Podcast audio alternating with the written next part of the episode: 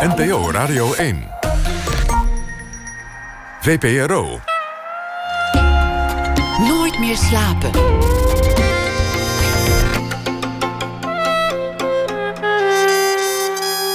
Met Pieter van der Wielen. Goedenacht en welkom bij Nooit meer slapen. Vliegtuigen maken rechtsomkeerd vanwege koortsige passagiers. Cruiseboten gaan op anker op volle zee in quarantaine. En wetenschappers verklaren optimistisch dat de sleutel naar het vaccin nabij is. Corona houdt de wereld nog steeds in de ban, net als eerder SARS, ebola, de Mexicaanse griep en vele andere plagen. En als er één man was die al die plagen van nabij meemaakte, dan zit hij tegenover mij, Roel Coutinho. Wie nog op zoek is naar een complot, net nu de wereld in de ban is van een aanstaande pandemie, verschijnt er van zijn hand een boekje. Epidemieën en pandemieën. En daarin vertelt hij over de grote en meest virulente besmettingen van de laatste eeuw, zo'n beetje. Het gaat over uh, de cholera, aids, verschillende griepen, SARS, ebola. Roel Coutinho, geboren in 1946, is emeritus hoogleraar in Amsterdam in onder meer de epidemiologie. Hartelijk welkom, uh, Roel. Leuk dat je gekomen bent. Nou, graag. Ja. Zijn er dingen die je zelf eigenlijk zou laten of, of juist doen wanneer er zo'n epidemie dreigt? Uh, nee. Nooit? Nee, nee, dat heb ik eigenlijk nooit. Uh, nee, nee, nee. Ik hoor mensen zeggen, nou, ik neem even niet de trein of ik, of ik mijt uh, volle nu? ruimte. Ja. Nee, dat no is, nooit gehad ook? Nee, dat heb ik eigenlijk nooit gehad. Ik heb uh, veel in Afrika rondgereisd. Ik heb in de pokkenbestrijding gezeten. Ja, je, je, je, beseft natuurlijk wel dat er altijd een zeker risico is. Maar ik denk dat uh, het risico is groter om een, uh, om een auto-ongeval te krijgen in Afrika... dan een ziekte op te lopen, hoor. En zo zijn er in Nederland op dit moment ook vele risico's groter dan de kans dat je, dat je corona oploopt. Zeker. Ja, die, die kans is op dit moment is er gewoon niet. Want die, die, die, ja, die, die, er zijn nog geen importgevallen. Dat kan natuurlijk veranderen. Uh, maar het spreekt tot verbeelding. Hè. Dat, merk je eigenlijk. Mensen zeggen ja, het is een hype. Uh, dat is het voor een deel misschien ook wel. Maar ik denk dat het ook wel iets is wat, wat mensen angst inboezemt. En uh, dat, dat komt misschien ook voor een deel om, omdat we in het verleden ook wel dit soort dingen hebben meegemaakt. En die hebben grote invloed gehad. Nou, nou is er ooit de Spaanse griep geweest in een tijd waarin de wereld nog veel minder verbonden was dan nu. In deze tijd zou een, een, een flink hevige epidemie in no time om zich heen kunnen grijpen. Alles is met elkaar verbonden. Ja, maar dat was toen ook al zo hoor, vergis je niet. Want de Spaanse griep, dat was in de periode van de Eerste Wereldoorlog... waar er dus een enorme hoeveelheid soldaten van overal vandaan kwamen. Dus een enorme snelle migratie. Uh, natuurlijk is het zo dat de wereld veel meer verbonden is dan vroeger... en dat men veel sneller reist, dus het gaat vlugger.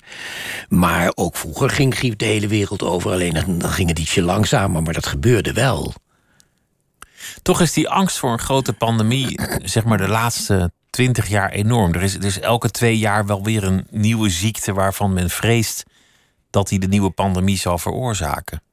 Ja, dat was, dat, maar dat, is, dat was vroeger wel anders hoor. Want het is, het, het, is zo dat, dat mensen gingen in de 19e eeuw aan infectieziekten dood. Kinderen, uh, vaak al voor hun eerste levensjaar, haalden dat niet eens... want ze kregen allemaal darminfecties en kregen ze andere ziektes erbovenop. En als mensen ouder waren, kregen ze longontsteking of tuberculose... en dan gingen ze daaraan dood. Dus het was de belangrijkste doodsoorzaak.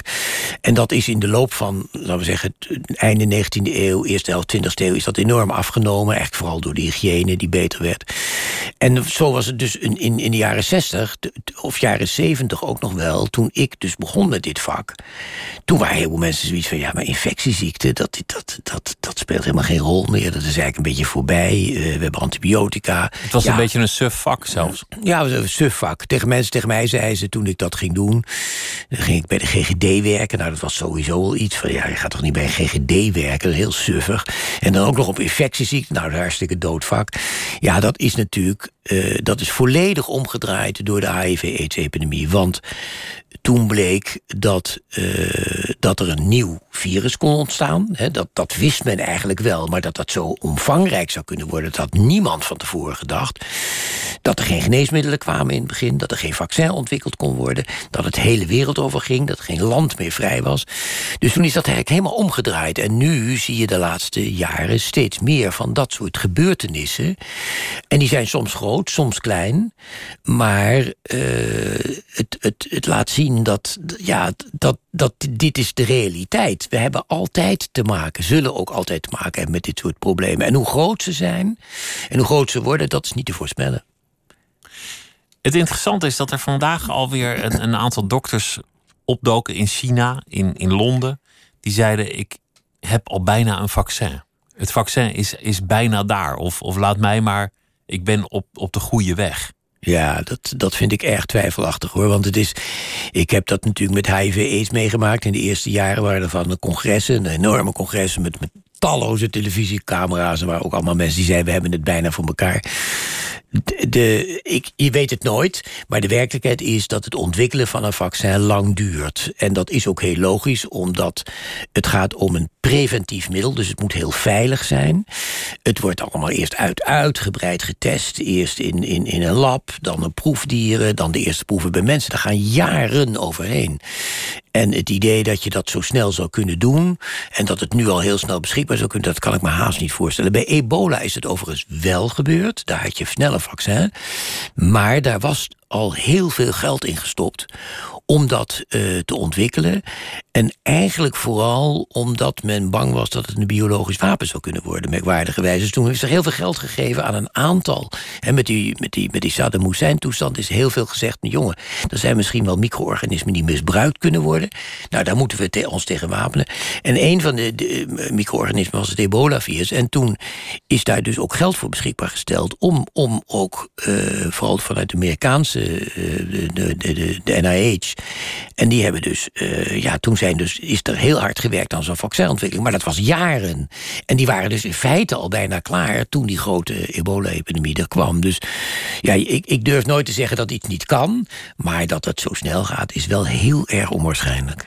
Maar dat hoort bij de epidemie. Een arts die zichzelf als redder opstelt en een beetje gaat bluffen van ik heb het bijna of, of het vaccin komt ja. eraan.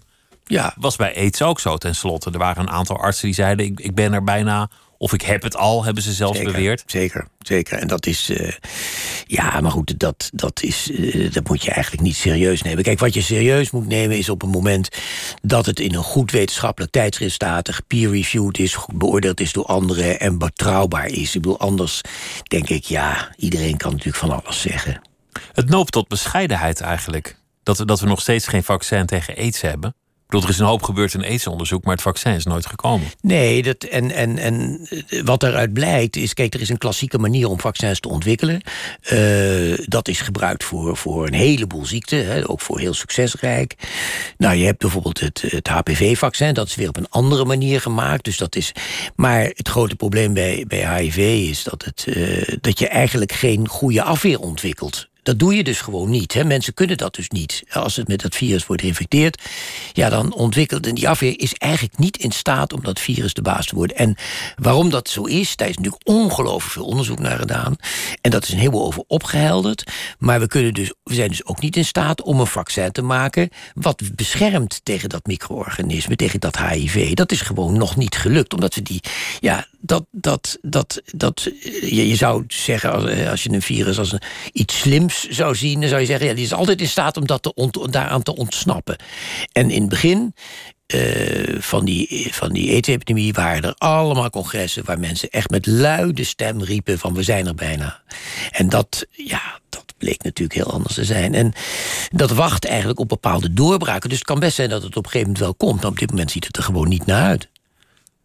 Dit, dit coronavirus, is, is dat nou zorgelijk? Kijk jij daar nou met, extra aandacht naar? Of, of denk je, nou ja, dit, dit waait wel weer over? Nou ja, het begrip zorgelijk, dat zegt mij eigenlijk nooit zoveel. Ik kijk niet van, het is het zorgelijk. Ik kijk meer van, ja, hoe, ga, hoe gaat dat? Uh, het is een groep van virussen die in feite ook bij mensen voorkomt. Hè, want er zijn ook coronavirussen die gewoon luchtweginfecties geven... die helemaal niet zo ernstig zijn. Maar het is een hele brede groep en dit, komt uit de vleermuishoek. Er zit waarschijnlijk een tussengast erin. Het is een nieuw virus voor de mens. Ja, dat betekent wel dat op het moment dat het overgaat naar de mens... en het past zich aan, dan kan het zich ook gaan verspreiden. Ehm, in bij, bij SARS is het, is het eigenlijk zo gegaan dat de sterfte heel hoog was. Maar de besmettelijkheid was er pas op het moment dat mensen heel erg ziek werden en heel hoge koorts hadden. Dus op het moment dat je die mensen ging isoleren en hun contacten, kon je het in feite stoppen. Dat is maar zeer de vraag of dat hier ook het geval is. Het lijkt erop dat er uh, ook gevallen zijn van mensen die weinig klachten hebben. Ja, die, die vind je natuurlijk niet. En als je dan ook niet kunt behandelen en je kunt ook niet geen vaccin, dan is het op dit moment de vraag: lukt het om het uh, onder de knie te krijgen? Nou ja. want, want, iemand met hoge koorts gaat niet meer zoveel naar cafés, dus die nee. zal ook weinig mensen besmetten Zeker. al daar. Dat is Zeker. een voordeel. Iemand die doodgaat in sommige gevallen bij andere virussen die zal ook weinig uitgaan. Behalve in ziekenhuizen. Hè. Je moet je wel realiseren dat juist dat soort... Hè, dat was bij ebola zo en dat was ook... Uh, is dat bij SARS was dat het geval... dat de mensen die in ziekenhuizen werken... dat waren wel degenen die het wel geïnfecteerd werden. Want daar hadden ze dat in het begin niet in de gaten. Maar hier zou het dus kunnen zijn... dat mensen met veel minder klachten hebben. Ja, dan, dan is het moeilijk te stoppen. Ik bedoel, de Chinezen doen echt alles hoor. Ik denk dat, dat geen land zou, is er zo goed in dat, als China. Ik bedoel, het is niet een land waar iedereen wil leven. Want er zijn natuurlijk een hoop vrijheden die wij hebben die daar niet zijn. Maar het is ongelooflijk goed georganiseerd. En, en iedereen weet ook alles. En ja, als je, als je in je huis moet blijven en je doet dat niet, dan weet die buurvrouw, die gaat dat meteen vertellen. Ik bedoel, het zijn allemaal dingen die. Maar het is een, echt een heel ander, ander soort land. Cynisch zou je kunnen zeggen dat die onvrijheid dit keer een voordeel is. Ja, dat kan je zeggen. Zeker. Ja. Ja. Ja. Ja, nee, dit, dit is, het is een. Ik, ben, ik, heb, ik heb een groot. Ik heb 15 jaar in China had ik een groot project. Dan ben ik, ging er één tot twee keer per jaar naartoe. Ja, ik, en, en vanaf 1992. Ik, ja, ik was geweldig onder de indruk van. Uh, van de organisatie, maar ook van de pragmatiek van de Chinezen. Chinezen zijn ongelooflijk pragmatisch. Hè. Er zijn dus, als ze denken dat iets werkt, dan doen ze dat ook gewoon. En dan organiseren ze het. En uh, ja, ik vond dat bijzonder indrukwekkend. In dit boek haal je um, veel besmettelijke ziekten op die je hebt meegemaakt en ook die je niet hebt meegemaakt van, van voor je eigen tijd. Heel overzichtelijk om dit allemaal nog eens terug te lezen, hoe het, hoe het ook alweer ging. Het zijn voor een deel ook gewoon doemscenario's.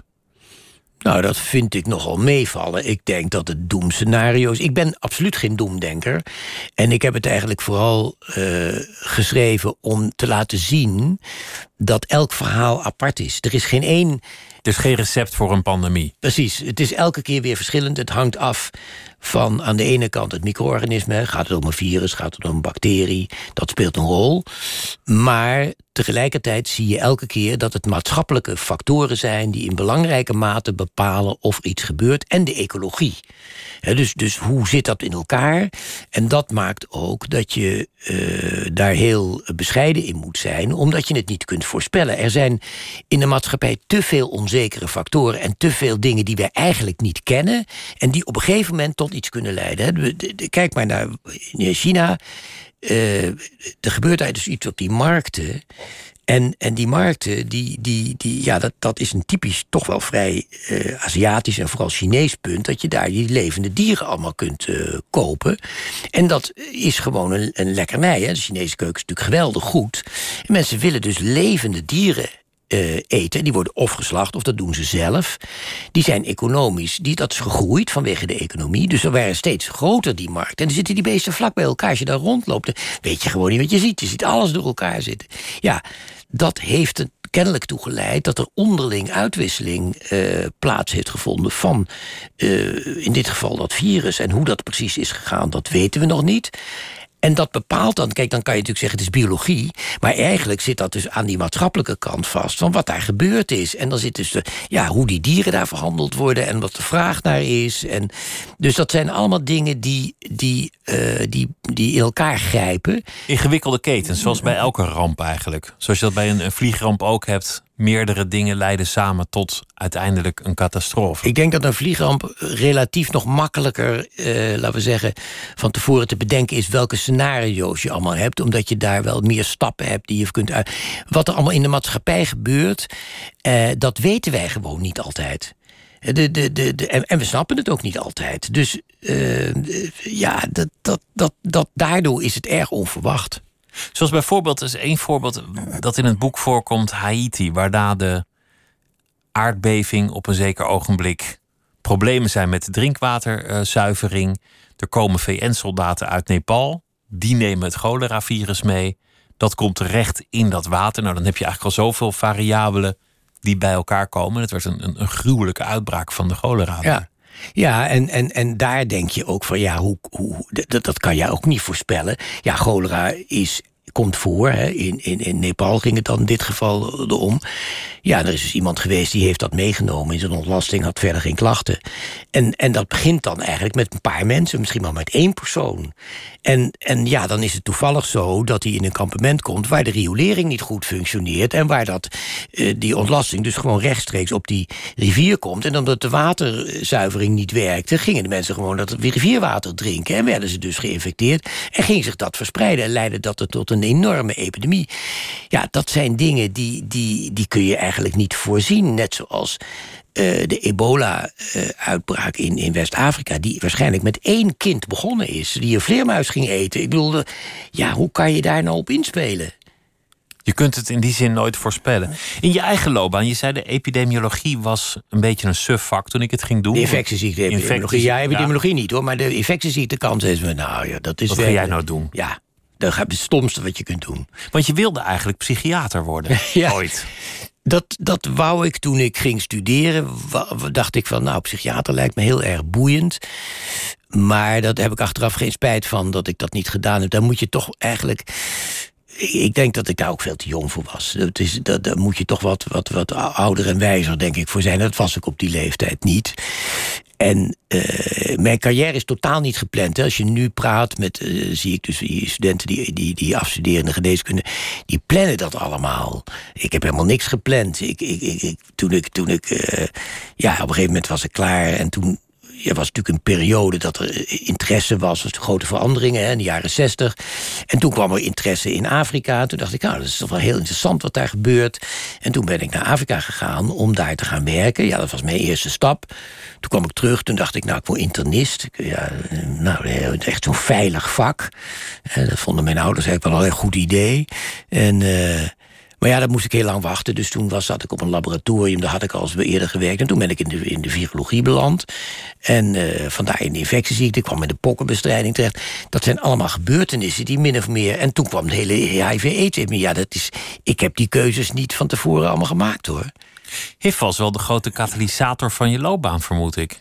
Ja, dat is natuurlijk voor veel mensen zo. Want uh, ik, ik ben bij de GGD gaan werken in Amsterdam als hoofd van de infectieziekte in uh, 77. Nou, toen, uh, toen werd ik al geconfronteerd met de enorme toename van de uh, geslachtsziekten die er toen waren. Dat was vooral bij homoseksuele mannen en voor deel bij, bij drugsverslaafde prostituees. Dus daar hielden we ons toen heel erg mee bezig. Uh, erg succesrijk waren we niet in de bestrijding. Ja, en toen een paar jaar later kwam in die groep uh, kwam HIV-AIDS. En dat was natuurlijk een ravage. Dat was, was, was een, in het begin dacht iedereen, nou dat valt allemaal wel mee. Uh, maar op een gegeven moment dacht iedereen, nou, dit loopt helemaal uit de hand. Kun je herinneren wanneer je er voor het eerst van hoorde? Dat het voor het eerst op je pad kwam? Ja, het was. Het was uh, ik, ik, ik had toen hele goede relaties met Center for Disease Control in Amerika. Daar had ik ook een tijd gezeten om, uh, om ervaring op te doen. En uh, daar was ik ook teruggegaan. toevallig net in die AIDS-periode. En daar waren ze al volledig van slag. Want daar hadden ze al. Ja, daar waren al een paar honderd gevallen. En daar viel ik toen middenin. En toen dacht ik: hé, hey, dit, dit is wel een heel erg groot probleem. En toen ik terugkwam, toen begon het in Nederland natuurlijk ook. En in het begin zeiden veel mensen nog: nou, dat valt allemaal wel mee. En het is Amerika en uh, Nederland is echt heel anders. En het is veel rustiger. De homo ziet er heel anders uit. Ja, dat bleek natuurlijk helemaal niet het geval te zijn. Uh, ja, dat was wel een moeilijke tijd. Ook omdat er in die periode nog niet zo'n echte structuur was om iets te doen aan, aan, aan infectieziekten. We, op een gegeven moment, eigenlijk zei ze ja, in Amsterdam zo van ja, het is een Amsterdams probleem, los het daar maar op. En met een paar mensen ging ik. bedoel, Ik was begin dertig en we waren met een heel klein groepje die, die eigenlijk nauwelijks ervaring had hierin. En die moesten dat, dat, dat, wereld, dat werd later dus een wereldprobleem.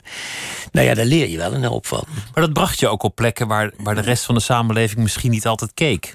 Nee, zeker. In de prostitutie, in uh, de homo-scene, in, in ja. homo-sauna's, darkrooms. Ja. ja bordelen, noem maar op. Ja, je krijgt met, een, met, met, met iets te maken.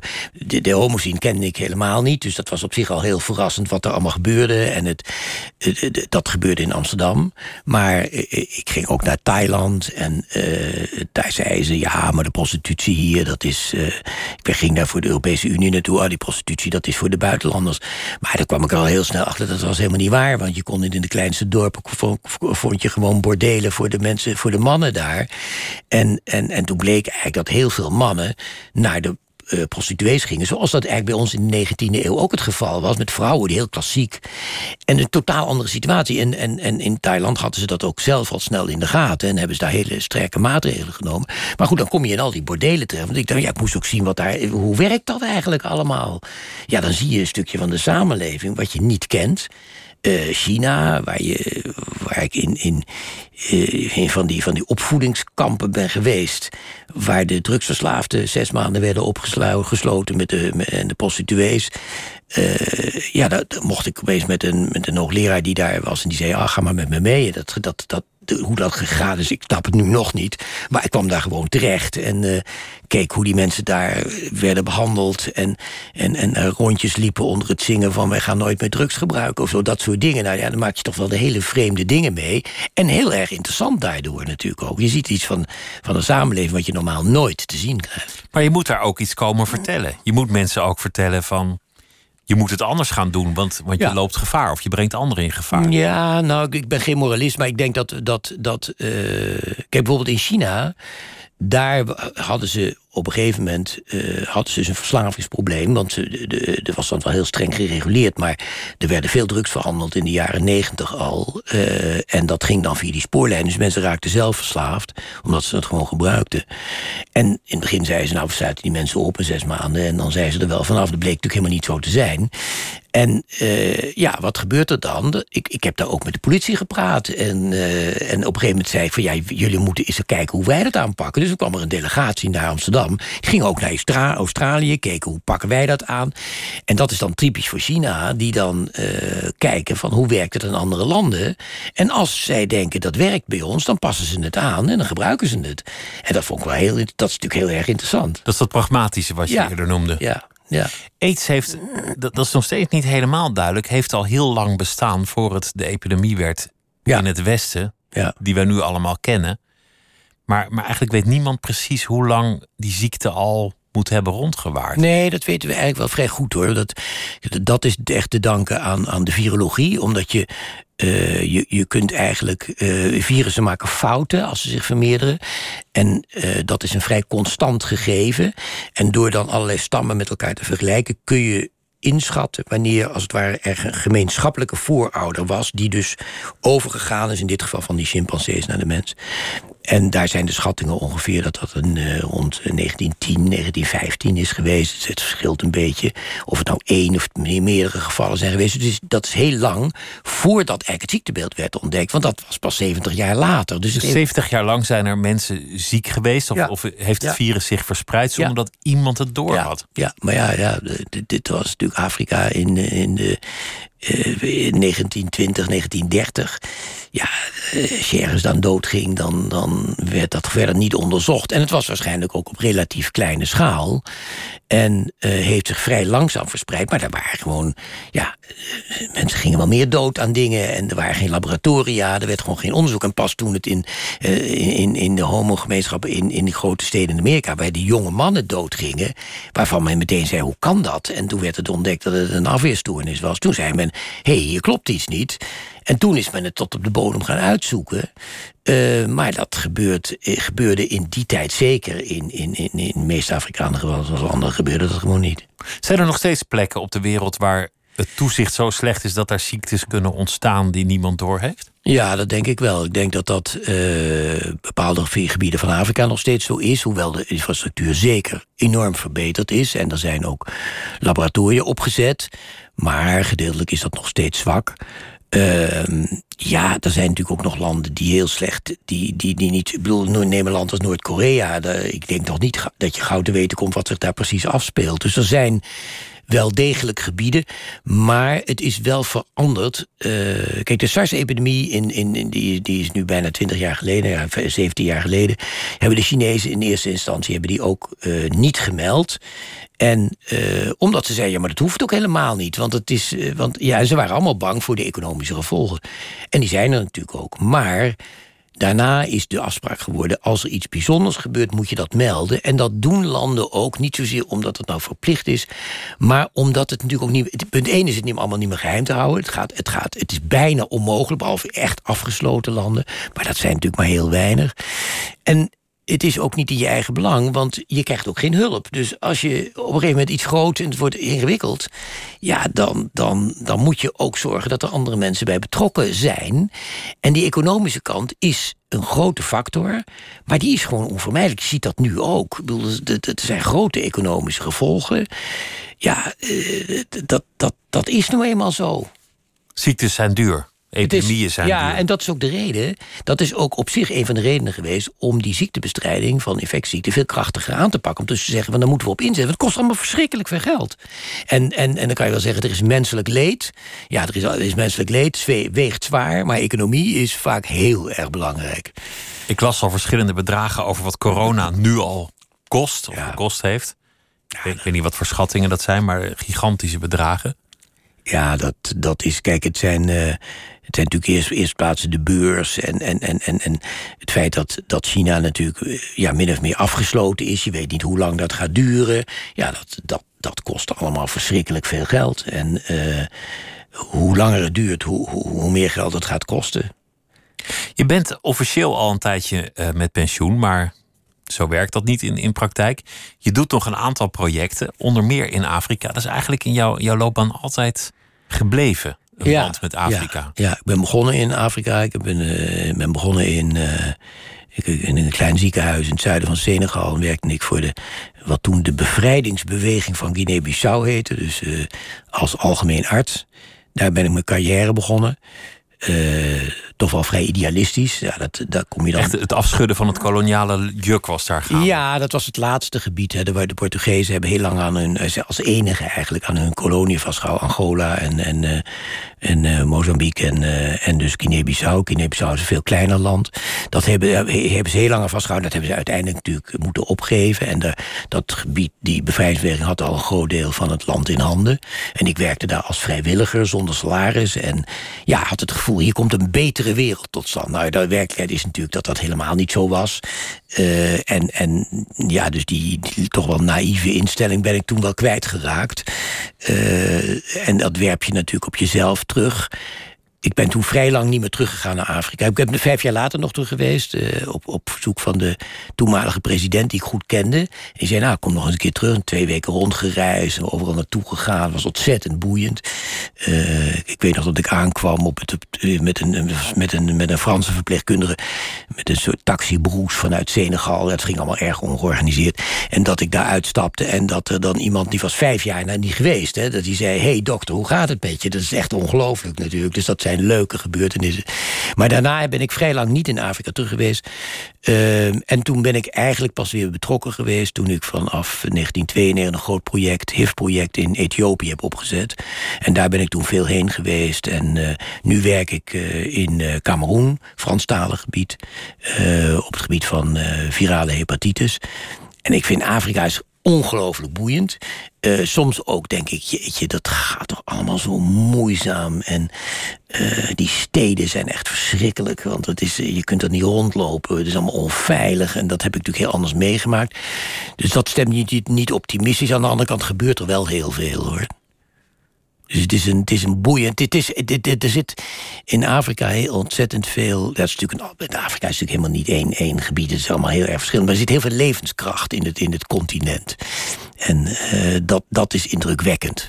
boeiend en indrukwekkend. Je wilde muziek laten horen van Ali Farka Touré. Uit uh, Mali komt hij. Hm. En dit is een, een nummer dat heet uh, Savanne.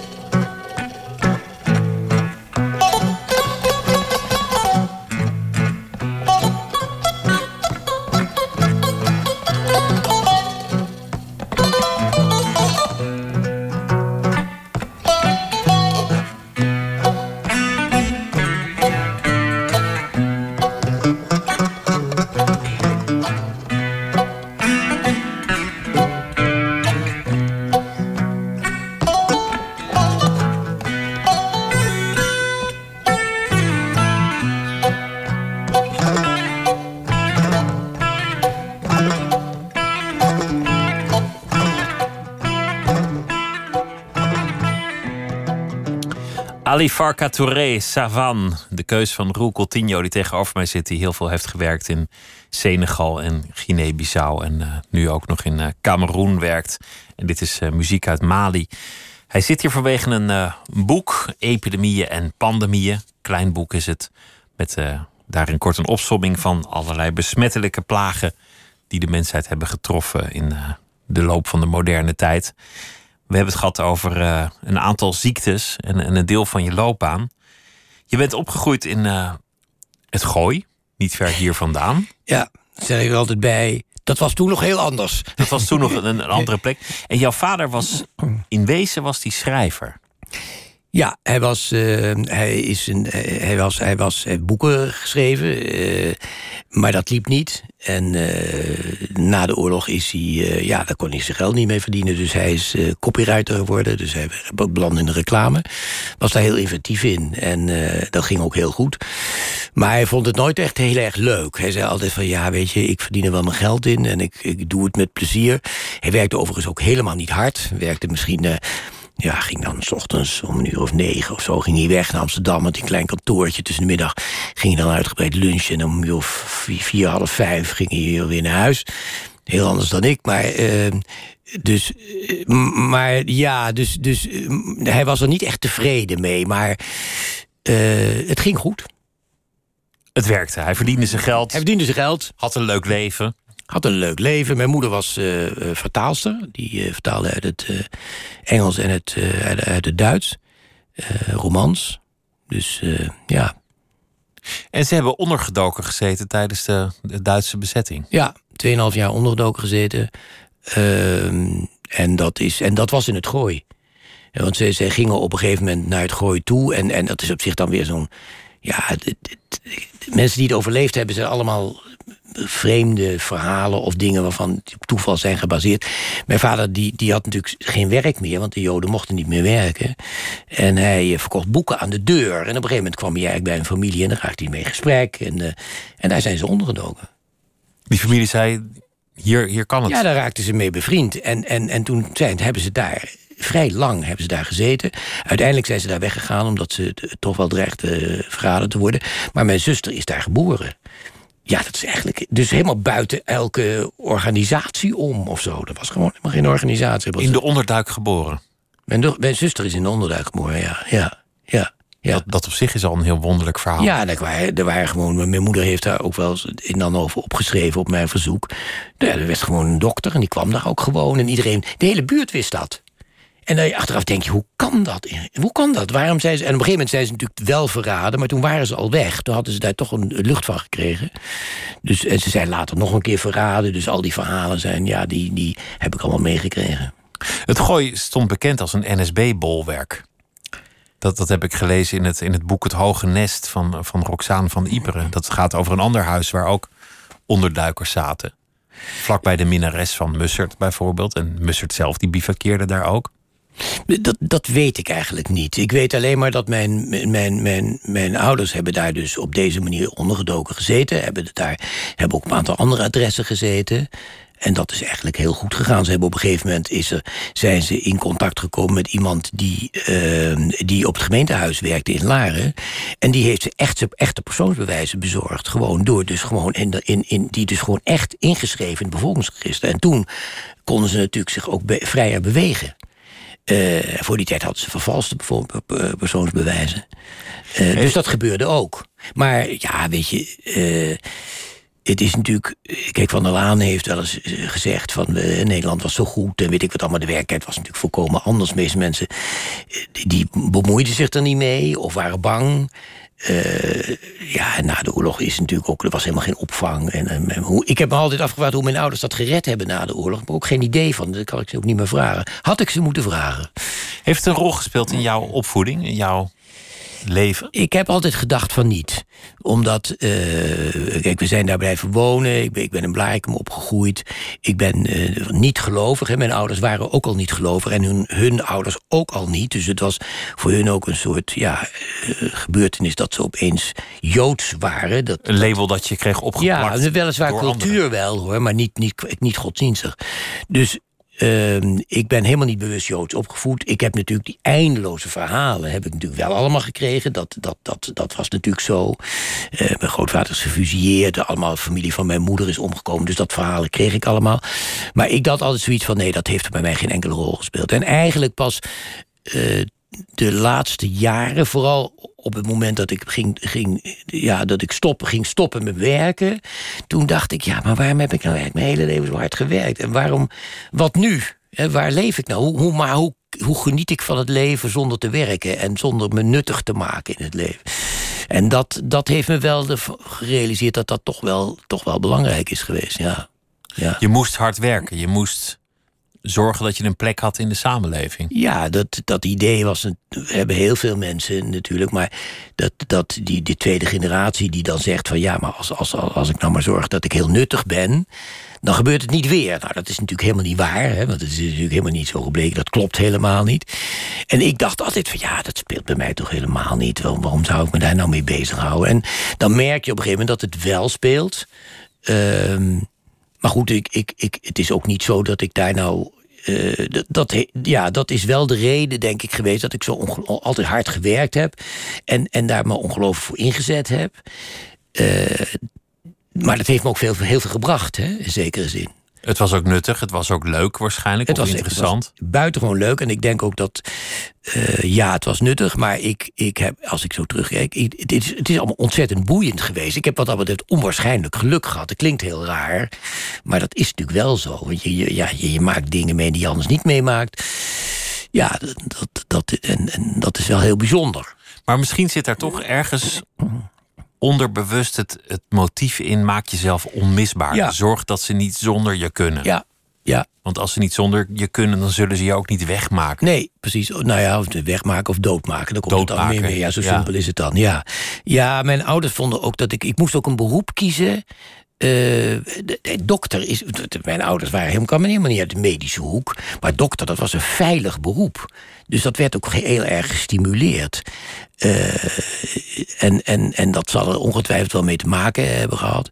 Eh, mijn zuster, die in de onderduik geboren is, is, is een jaar of tien geleden overleden. Een hersenbloeding. En die, eh, die, die, heeft het er veel zwaarder mee gehad. Die, dat is natuurlijk sowieso als je in die periode werd geboren. In een hele onzekere tijd. eh, dan had dat natuurlijk sowieso enorm grote gevolgen. En die heeft het er veel moeilijker mee gehad. Ik, heb het daar, ik ben van na de oorlog. Eh, en ja, ik was wel een heel verlegen kind en ik durfde niks en weet ik wat. Maar later dacht ik, nou, dat valt dan nu nog wel mee. Maar eh, dat kan je je dan niet meer zo voorstellen. Ehm, maar ik, ik, ik ja, wat ik al zei, ik geloof niet. Ik dacht in het begin dat speelt voor mij geen rol. Als je opgroeit wel in een, misschien een soort Joodse traditie, maar ook niet heel sterk. In, in een seculier Joods gezin waar wel dat verleden speelt, maar in de dagelijkse praktijk niet zoveel herinnert aan, aan het feit dat je Joods bent. Speelde dat wel een rol bij anderen? Heb je bijvoorbeeld in je jonge jaren antisemitisme meegemaakt? Ja, of, of ja, opmerkingen? heb ik meegemaakt. Ehm, ik eh, ben eh, op een gegeven moment eh, op de middelbare school heb ik dat meegemaakt. Een jongen die ik heel goed kende, waarmee ik zeer bevriend was. En waar ik ook heel erg thuis, veel thuis kwam. Daar, eh, daar bleek op een gegeven moment dat toen ik een relatie met zijn zusje kreeg. En dat was allemaal heel onschuldig. Ik was 15 of ik was 16 of zo. Een beetje Dus- kalverliefde. een beetje kalverliefde, een beetje zoenen. Verder was er eigenlijk niks aan de hand. En toen zeiden die ouders: nee, nee, dat, dat kan niet tegen dat meisje. Want daar kunnen, eh, dat kan, nou, als je dan gaat trouwen met hem, dan kan, kan het allemaal vreselijke gevolgen hebben enzovoort. En toen bleek dat die vader, eh, in, in, in- die, had dus, die was fout geweest in de oorlog. En dat wist, mijn, dat wist ik natuurlijk niet. En ik was daar jaren geweest. En was daar kind aan huis. Daar, dat was een verschrikkelijke schok voor mij. Dat, dat heb ik ook heel vaak niet durven te vertellen. Maar dat was, was een verschrikkelijke ervaring. Dat je op dat moment ineens er niet meer bij hoorde. Dat ze, Nou, dat, dat ze goed ja, precies. Pas, pas op dat moment werd dat, werd dat duidelijk. Terwijl ik altijd met open armen was ontvangen, zogenaamd. Totdat dat gebeurde. En eh, ja, ik heb verder. eh, toen ik. eh, na, mijn, aan- na mijn eerste studentenjaar ben ik twee maanden naar Israël geweest. Omdat ik toch dacht: van ja, hoe is dat nou eigenlijk? En eh, ook wel, mijn moeder was eigenlijk wel. Die, ik denk dat als mijn moeder, mijn moeder had gelegen, was naar Israël gegaan. Mijn vader absoluut niet. Was een, een Portugees-Joodse familie die al, al eeuwenlang in Amsterdam woonde. en was daar helemaal mee vergroeid. Die moest van Israël helemaal niks hebben. Dus mijn moeder wel. Maar die is niet gegaan. En, en, en ik ben toen naar Israël geweest met iemand, met een student, met in mijn eerste jaar. En, eh, maar ik had helemaal niet het gevoel dat ik daar zou willen leven. Dus wat dat betreft was dat ook wel goed om daar naartoe te gaan. Je, je hebt je hele leven gewerkt als dokter in de infectieziekte. En dat brengt je ook op heel veel momenten op, op een gekke manier. soort van aan het front van de samenleving. Plekken, plekken waar gestreden wordt om, om, om allerlei dingen. Ja. Ideologische strijd, religieuze strijd of Ja, emancipatiestrijd. Zo, had je veel te maken met de homobeweging. ja. En dat- is achteraf moeilijk voorstelbaar. Maar in het begin, in Amerika, in Europa, werd de arts toch ook als een vijand van de homo-emancipatie gezien, potentieel. ja dat. eh, dat ik Ik weet niet nou, hoe jij dat hebt meegemaakt. Nee, maar dat viel, maar ik was natuurlijk wel. Het was in het begin. eh, die bestrijding van HIV-AIDS was voornamelijk in handen van een kleine groep homoseksuele artsen en voormannen. Want daar was het grote probleem. En ik hoorde daar niet bij. Ik was helemaal vanuit de volksgezondheidskant. En dat heeft ook wel spanningen gegeven. Dat, heeft ook, dat was ook best moeilijk, want uh, de voormannen van de homobeweging waren heel bang dat het zou leiden tot discriminatie van homo's. Dat is ook heel begrijpelijk. Maar ik was natuurlijk, ja, ik was de volksgezondheidskant. En ik was daar toch vrij nuchter in. Ik denk, ja, we moeten die epidemie bestrijden. En we moeten wel vertellen hoe het echt in elkaar zit. Want eh, anders werkt het niet. Hè. Je moet niks, je moet nooit iets geheim Dat heb ik ook nooit gedaan. Gewoon zeggen wat voor ziekte het is, waar het. Bij wie het voorkomt en bij wie niet. Want anders dan ga je oneerlijke dingen doen en dat werkt niet. Je moet precies de waarheid altijd vertellen. Dat heb ik toen geleerd en dat heeft ook veel spanning opgeleverd. Dat heeft veel ruzies opgeleverd met, met de homobeweging. Dat was ook wel, uh, dat, dat ging niet uh, zachtzinnig toe. Want je had toen op een zeker ogenblik gezegd... de kans dat je als hetero die ziekte krijgt is gewoon niet zo gek groot. Ja, dat was in mijn inaugurele reden. Toen werd ik ook leraar in Amsterdam in uh, 89. En dat was natuurlijk eigenlijk, dat had ik niet mogen doen, want ik zat zelf in, ik was zelf mede verantwoordelijk voor dat beleid. Maar ik had me daar natuurlijk altijd verschrikkelijk aan geërgerd. En eigenlijk had ik al veel eerder moeten zeggen: uh, jongens, ik ben het hier niet mee eens en ik stop er gewoon mee. En uh, dat heb ik niet gedaan. En ik heb een, een, een inaugurele reden gehouden over allerlei dingen. En een van de dingen die ik zei was: ja, eh, voor heteroseksuelen is op dit moment in Nederland risico om, om, uh, om HIV op te lopen is vergelijkbaar met, het neerst, met de kans om neer te storten tijdens een reis naar Mallorca. Nou, uh, vliegreis naar Mallorca, want ja, dat, als je dat uitrekende, was dat ook ongeveer wel zo. Dat klopte ook wel, maar dat was natuurlijk tegen het zere been. Want er was net allerlei campagnes tegen voor hetero's. Je moet ook uitkijken en risico enzovoort. Ja, en toen werd ik uit de commissie gezet. Van het, en dat was achteraf gezien, hadden ze daar ook gelijk in. Ik had dat eigenlijk niet, niet zo moeten doen. Ik had het eerder moeten doen. Maar ja, met jongen, je wil wat. En eh, je zegt soms dingen op die manier. Zou ik nu voorzichtiger zijn? Aan de andere kant, ze hebben nooit gezegd dat je statistiek niet klopte. Nee, zeker. Die klopte namelijk ook. Maar het was niet in lijn met, met, met, met het beleid. En dat was natuurlijk het spanningsveld. Uh, en, en in zekere zin was er natuurlijk ook altijd de mogelijkheid dat het zich wel zou gaan verspreiden. Dus het was ook een waarschuwend iets, maar het werd zwaarder aangezet, dat risico. En dat had voor een deel te maken met het feit dat men zei: ja, maar we willen niet dat het een homoziekte wordt genoemd. Want zo zit, zit het niet. En, en dat is natuurlijk ook niet zo, want in Afrika is het heel anders gegaan. Daar, daar is het allemaal heteroseksuele eh, verspreiding. Alleen bij ons is dat anders geweest. Dus ja, dat, dat, uh, dat zijn confrontaties. Je hebt, je hebt eh, op het aantal punten confrontaties gehad, ook met de, de antivaccinatiebeweging. Ja. En, en dat was een beetje ja, in de latere jaren van je loopbaan. En dat, dat is ontzettend lelijk geworden. Ja, dat, dat, dat, is, dat, is, dat gaat ontzettend fel. Hè. Dat was uh, naar aanleiding van het, uh, van het uh, HPV-vaccin, het baarmoederhalskankervaccin. waarin dus mensen de, ja, toch wel op een gegeven moment dingen gingen zeggen over het risico van dat vaccin. Waarvan ik dacht, nou, dat is gewoon ja, eerlijk gezegd klinkklare onzin. Want dat is niet zo. Er waren ook mensen die wat bezorgd waren... omdat ze zeiden, er zijn te weinig gegevens. Dat kan je natuurlijk altijd zeggen. Maar er waren ook verhalen over vergif en weet ik wat allemaal. En dat, uh, ja, daar, daar viel eigenlijk nauwelijks mee te praten. En ik had misschien ook niet mogen zeggen dat het onzin was... want dat zei ik dan gewoon. En dat ging natuurlijk tegen het zere.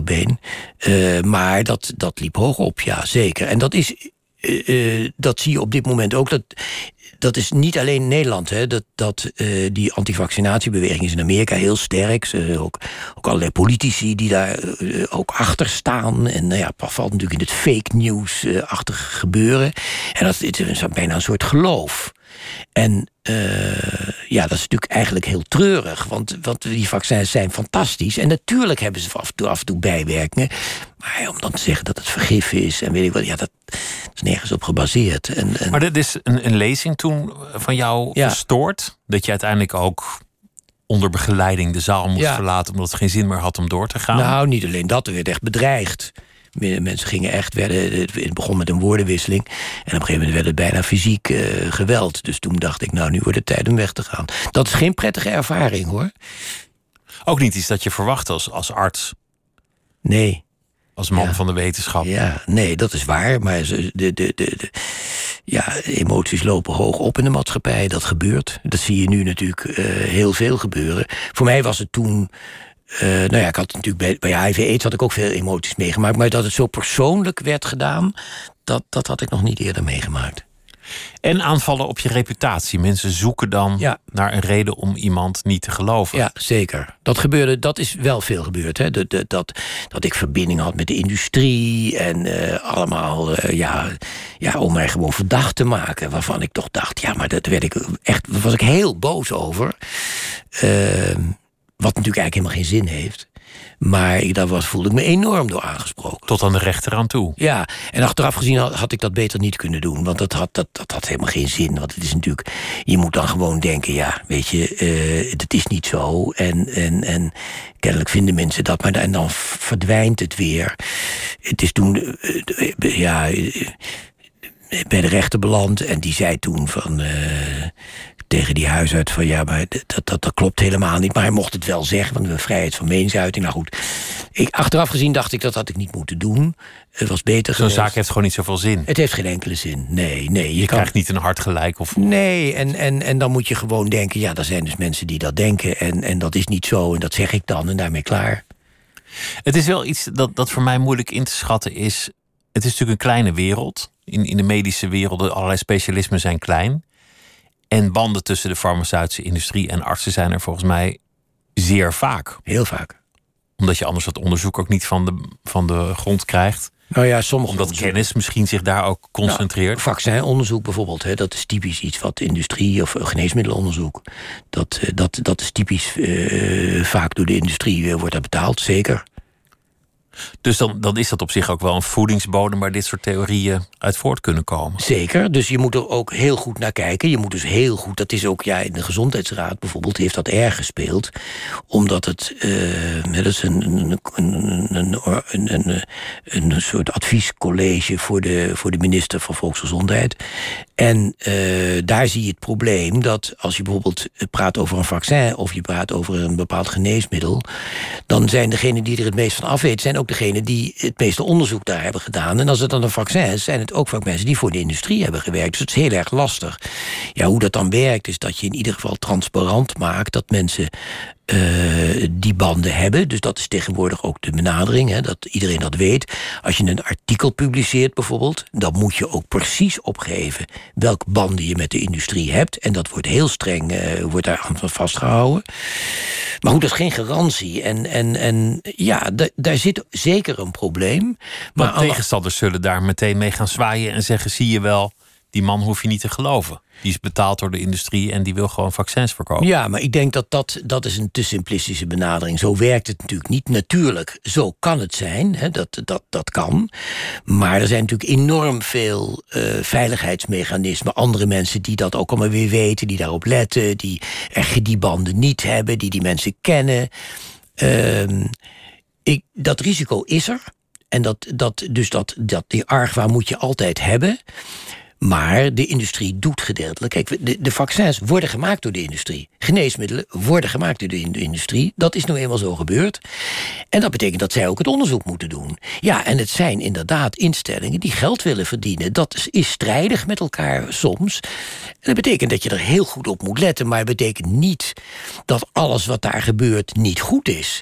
En er zijn onderzoekers die bij industriële, bij, bij, bij bedrijven werken... die echt ontzettend goed werk doen ook wetenschappelijk. Dus het is, het is niet zo. De enige manier om ermee om te gaan is heel transparant te zijn en tegenwicht te bieden. Het, het was een aantal jaar zo dat de, vaccinatiegraad voor sommige ziektes in Nederland iets aan het dalen was. Dat tij lijkt zich weer te keren, las ik nu weer. Ja, het is op dit moment stabiel. Ik, ik weet niet hoe dat in de toekomst gaat. Het is natuurlijk een, een, eh, een, een- er is een maatschappelijke discussie over ontstaan. Hè? Dat is heel gunstig, want dat betekent dat mensen op een gegeven moment zeggen: ja, maar luister eens even. Als jij je kind niet laat vaccineren, loopt mijn kind risico. Dat accepteer ik niet. Dat is een hele goede, te- dat is goed, goed tegenwicht. En dat werkt. Maar hoe lang dat werkt, weet je niet. Want het grote probleem is natuurlijk dat het punt is eigenlijk dat heel veel mensen. eh, die, die, die kennen die ziektes niet meer. Eh, Als ik tegen jou zeg, ja, we, difterie, nou, nooit van gehoord. Ook de, de artsen hebben dat nooit meer gezien. Daar word je wel voor ingeënt. Uh, tetanus, ja, komt een hele enkele keer nog wel eens voor. Uh, mazelen kennen de meeste mensen ook niet meer. Dus mensen kunnen met droge ogen zeggen... dat mazelen een volstrekt onschuldige ziekte is. Daar ga je nooit een dood, nooit complicaties. Wat helemaal niet waar is. Maar mensen kennen die ziektes niet meer. Dus, dus de angst is ook een beetje weg, hè? De angst is weg. En, en, en tegelijkertijd uh, is de angst voor bijwerkingen groter geworden. En, die, en, en, en men is natuurlijk heel voorzichtig daarmee. Hè. De kinderen zijn natuurlijk... Ja, ieder risico wordt, wordt ingeschat. Dus dat is, uh, dat is een bepaalde ontwikkeling... Die, die, die ook in de toekomst zal doorzetten, denk ik. Dus die maakt het niet makkelijker. Aan de ene kant die angst waar we mee begonnen voor pandemieën. Aan de andere kant toch een beetje die angst die ontbreekt... wanneer er gevaccineerd moet worden. Er lijkt een soort tegenstelling. Ja, en wat je natuurlijk wel ziet is dat uh, op het moment dat er natuurlijk weer een epidemie is, verandert dat natuurlijk weer. Hè? Want dat heb ik met die influenza, die griep, uh, Mexicaanse griep meegemaakt. Dat in het begin was het allemaal een enorme paniek. Nou, dat bleek later eigenlijk overdreven te zijn, want het was helemaal niet zo ernstig. En toen zei ook iedereen van, nou, vaccineren, dat is toch eigenlijk helemaal niet nodig. En dan komt er op een gegeven moment een bericht in de Telegraaf dat er een kind van 13 is overleden aan de nieuwe griep. En dan laat iedereen ze weer in. Dus er zitten heel veel emoties ook bij. Die maken het niet makkelijk om daar goed mee om te gaan. Het is niet altijd een rationeel proces. Het is een, uh, voor een behoorlijk deel is het emotioneel. En daar moeten we misschien ook wel op in durven spelen. Hè? Want als je... Op die emoties, daar gebruik van maken. Ja, want kijk, ik, ik, ik, ik ik ben groot geworden, laat ik het zo zeggen, in die AIDS-epidemie. En wat daar enorme indruk heeft gemaakt, is mensen die op de televisie vertelden dat ze ziek waren en dat ze doodgingen en hoe dat ook kwam. En dat heeft op het gedrag, seksuele gedrag, enorme invloed gehad. En dat, is, dat maakt enorme indruk. Kijk, op het moment dat iemand die uh, als wij praten over een baarmoederhalskankervaccin, dan is dat iets van, ja, dat, dat is, uh, daar kunnen mensen zich niet veel voor voorstellen. Maar op het moment dat een vrouw vertelt wat er gebeurt als je gediagnosticeerd wordt met baarmoederhalskanker en dat vertelt op een televisie, dan wordt het een ander iets. En uh, dat, is aan de, dat is ook kwetsbaar hoor, om die emoties te gebruiken. Maar ik denk dat we daar haast niet aan zullen ontkomen. Dat moet je eigenlijk wel doen. Om toch uh, uiteindelijk de feiten te bezorgen. Emoties als vehikel voor de feiten. Zo zou je het ja, en, en, en, en dat, dat is ook. En het is ook de werkelijkheid. Hè? Want zo zit het ook. Ik bedoel, uh, ja, als je toevallig iemand hebt die baarmoederhalskanker, in vrouwen in de omgeving hebt, dan weet je daarvan. Maar anders weet je daar gewoon niks van. Dat hoor je ook helemaal niet. En dat was bij AIDS in het begin natuurlijk ook zo. Mensen hadden geen idee, waar hebben ze het eigenlijk over? Dus, maar op het moment dat er iemand op de televisie komt die, die, die dat vertelt, en ook dat je dat ziet, ja, dan komt het binnen. En uh, dat moet je niet misbruiken, dat is natuurlijk het risico. Maar je kunt er wel uh, op een, als je er op verstandige manier gebruik van maakt, ja, dan, dan is dat wel een, een factor die, die, die een rol kan spelen. Ik ben heel benieuwd hoe het uh, met corona verder zal gaan de komende weken. Ik ook. We wachten het af. En het boek waarin alles overzichtelijk wordt uitgelegd, dat heet Epidemieën en Pandemieën. En dat is verschenen in de reeks Elementaire Deeltjes. Roel Coutinho, dankjewel dat je langs wilde komen dit uh, uur. Graag gedaan. Uh, interessant om met je te spreken. En zometeen in uh, Miss Podcast is Philip Huff de gast bij Misha Blok. En morgen dan is Nooit meer slapen er. Wederom en dan met schrijver Alex Bogers. Een hele goede nacht en tot morgen.